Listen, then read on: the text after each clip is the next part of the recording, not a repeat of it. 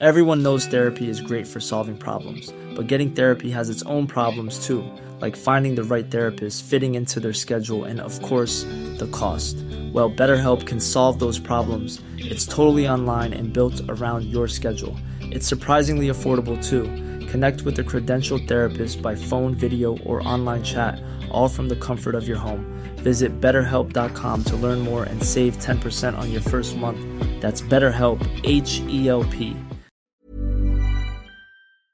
Halo pendengar kantong-kantong Manchester United kembali lagi bersama kita berdua ada Saung dan Alvin di sini dan tentu saja di beberapa hari terakhir ini media sosial dihebohkan dengan sebuah berita gitu ya. Eh, ini mungkin mungkin tidak sepenuhnya terkait oleh United gitu tentang United, hmm. tapi beritanya tentu sangat dekat ya karena ini terjadi di tetangga kita gitu ya, yaitu Manchester City gitu yang diduga terlibat pelanggaran financial fair play sebanyak lebih dari 100 ya. Yeah, yeah. Lebih dari 100 kasus dan ini tentu bisa menimbulkan menimbulkan berbagai macam efek domino gitulah. Oh. Contohnya misalkan ketika memang mereka sudah fix diputuskan sebagai tersangka gitu ya, mereka bisa didegradasi bahkan yeah. atau mungkin yang ya yang lebih simpel mungkin pengurangan poin lah gitu. Walaupun gue sendiri sih sejujurnya tentu akan sangat support ketika mereka didegradasi ya daripada di uh, kurangi poin gitu karena yeah, yeah. yang mereka lakukan kan tidak hanya di musim ini gitu melainkan oh. sepanjang dari tahun 2000 2008 hingga tahun 2019 Dari tahun 2012. kalau salah gitu. Iya, setidaknya dalam waktu satu dekade gitu. Jadi kalau misalkan dikurangi poinnya tentu ini tidak fair gitu dengan hal-hal yang mungkin kita tuh sebenarnya bisa mendapatkan sesuatu yang lebih besar lah gitu dibandingkan apa yang kita dapat sekarang gitu. Jadi menurut hmm. pendapat lo Vin, dengan potensi bahwa City nantinya mungkin akan didegradasi gitu kan atau mungkin di strip gitu titlenya dari yang mereka dapatkan bagaimana menanggapi berita ini sebagai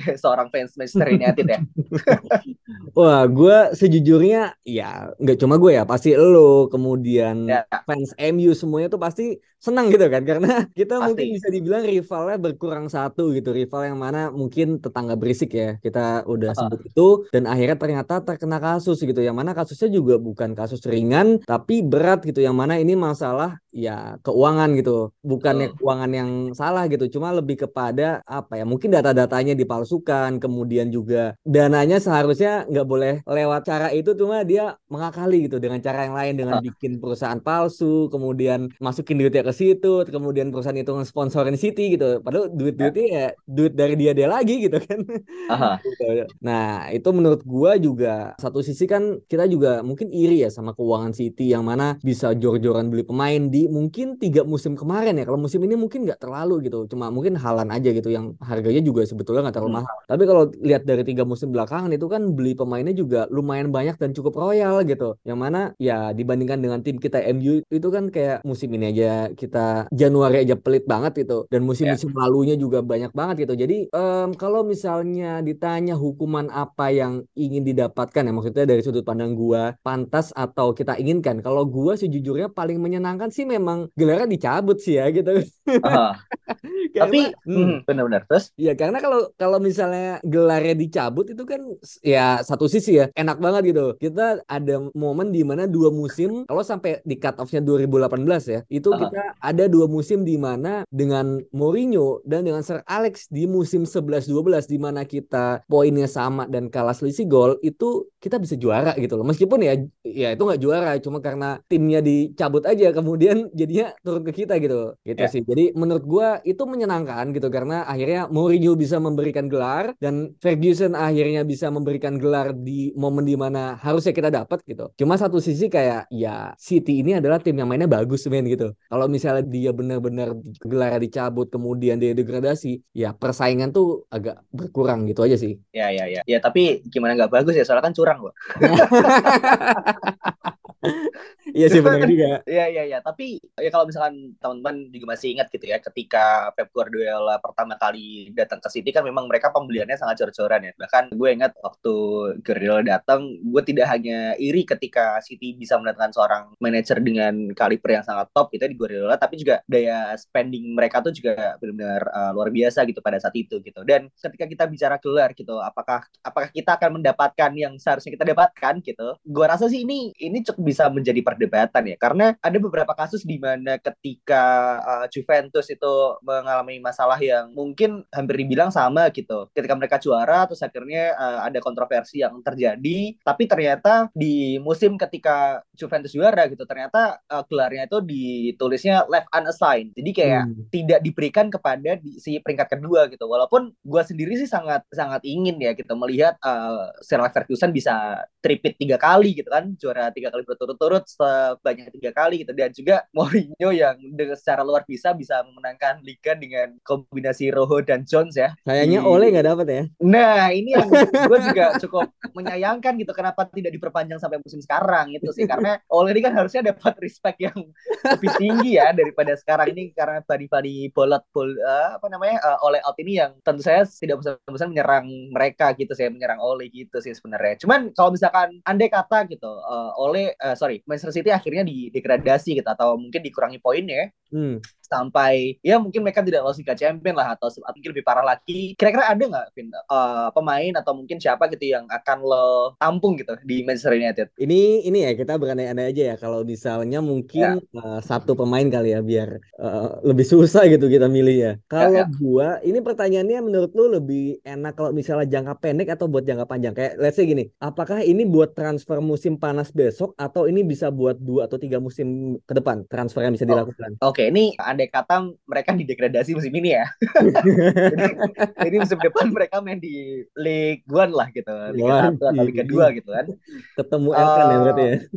mungkin musim musim panas ini lebih lebih make sense kali ya, karena pasti dengan pemain yang mereka punya tentu City ini akan jadi hot prospect gitu. Hmm. Semuanya pasti akan ke City gitu lah uh, apa uh, matanya gitu. Iya, jadi iya, menurut iya. lo kira-kira siapa? Wah, sejujurnya ya, ini pertanyaannya cukup sulit karena gue punya uh. dua jawaban gitu untuk okay. jangka pendek, jangka pendek yang buat musim panas besok sama mungkin yang bisa buat nanti-nanti gitu. Karena kalau buat nanti-nanti, jawaban gue adalah Rodri gitu. Kenapa? Okay. Karena untuk mendapatkan seorang defensive midfield yang bagus secara bertahan oke okay. kemudian tapi dia dalam menyerang dan controlling the midfield juga oke okay. itu susah banget sekarang gitu mungkin rata-rata udah pada tua kayak Busquets kemudian uh, siapa lagi gitu Casemiro kan lebih kepada ini ya apa namanya kayak destroyer gitu kan N'Golo Conte hmm. juga sebetulnya gitu meskipun dia bisa cuma nggak sebagus itu gitu dalam uh, membangun serangan gitu tapi Rodri man itu tuh sebagus itu gitu dan menurut gua kalau misalnya ini pertanyaan untuk nanti nantinya gitu degradasinya nanti itu menurut gua jawabannya Rodri karena Casemiro sekarang masih oke okay, tapi tiga musim ke depan uh. Casemiro pasti udah mulai menurun gitu. Jadi uh, okay. 33 tahun dan Rodri adalah orang yang tepat gitu. Tapi kalau pertanyaannya untuk summer besok, gue bakal pilih Bernardo Silva sih. Bernardo Silva. Bernardo Silva. Kenapa Bernardo karena, Silva? Karena kita tuh nggak punya main gelandang kayak dia gitu. Literally gelandang yang bisa bermain di mana aja. Bahkan Bernardo itu bisa bermain di double pivot gitu bersama Rodri. Okay. Bisa di double pivot, okay. dia bisa dribbling dari depan sampai belakang, pressingnya bagus. Lu mau pasang dia jadi playmaker bisa, jadi gelandang sayap kanan bisa, sayap kiri pun bisa, jadi penyerang sekarang juga bisa gitu. Jadi versatility-nya dan daya juang daya daya jelajahnya itu juga sangat-sangat uh, tinggi banget gitu menurut gua. Dan dia juga kalau nggak salah belum tua-tua banget ya, masih dua hmm. hmm dua tujuh gue lupa gitu. Yang pasti masih hmm. under dua sembilan gitu. Jadi menurut ya. gua kalau misalnya kita punya gelandang seperti itu, itu mobilitas kita jauh bakal lebih tinggi lagi. Mengingat Erikson udah mulai ya kita kelihatan hmm. ya udah tua, hmm. kemudian susah ya nyari gelandang seperti itu gitu. Yang tipikalnya tuh sebagus Frankie De Jong, yang mana Frankie De Jong ini kayaknya susah untuk didapatkan. Jude Bellingham juga kayaknya lebih condong ke Real atau bahkan ke Liverpool gitu. Jadi gua kalau Bernardo bisa, gue bakal ambil dia sih. Oke, ini agak cukup ini ya apa namanya out of the box gitu Bernardo Silva karena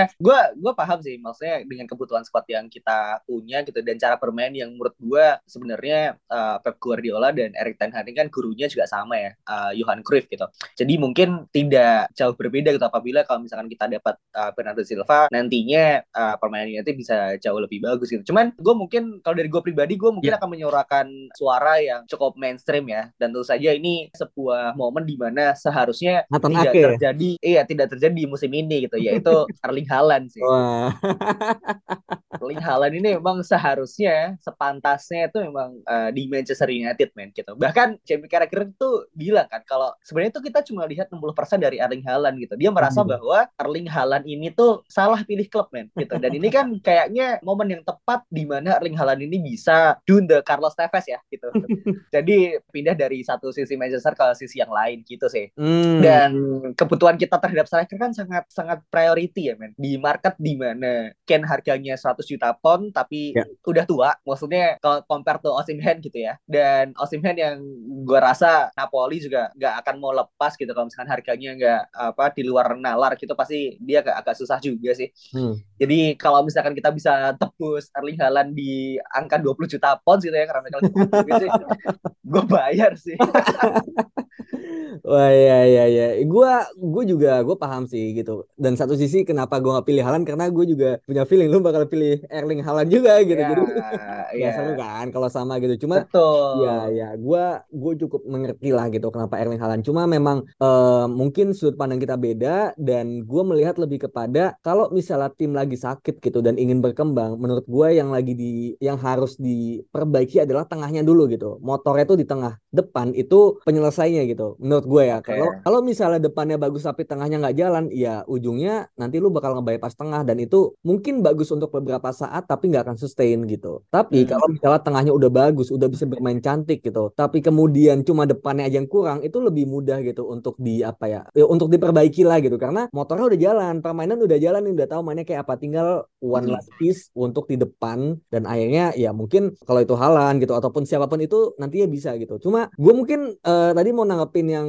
Jamie Carragher ya yang bilang bahwa mm-hmm. Holland ini salah pilih klub menurut gue gue juga sebetulnya ya di awal musim ini gue adalah salah satu orang yang cukup meragukan Erling Haaland bermain bagus ya di Manchester City. Oke. Okay. Karena Erling Haaland ini gue tahu dia emang bagus banget. Dia sangat klinikal, peluang sekecil apa pun bisa gol cuma somehow gue merasa bahwa kalau main di City tuh kayaknya harusnya bukan Haaland sih strikernya gitu gue merasa Harry Kane tuh jauh lebih cocok buat Manchester City ya menurut gue karena City kan mainnya ball to fit kaki ke kaki bermain build up bermain pelan dan kemudian akhirnya semua bisa cetak gol semua bisa bikin assist dan itu ya. Harry Kane bisa melakukan itu dan kita udah hmm. pernah bahas kan tentang Harry Kane yang dia bisa hmm. striker komplit dan Erling Haaland menurut gue belum sampai ke sana mungkin finishingnya bisa debatable ya siapa yang lebih baik gitu cuma untuk masalah build up masalah kemudian bisa terlibat dalam permainan nggak cuma cetak gol aja menurut gue Harry Kane masih jauh di atas Erling gitu yang mana Erling ya kita lihat sendiri di Old Trafford kalau dia dijaga hmm. dia nggak bisa apa-apa men gitu kayak hmm. literally mati gitu Kevin De Bruyne dijaga abis-abisan Erling Haaland nggak dapat bola gitu dan dia nggak bisa iya. membantu yeah. Apa permainan juga itu sih menurut gue yang cukup menarik dan ternyata memang meskipun ya mungkin satu statement lagi ya uh, Haaland ini golnya udah 25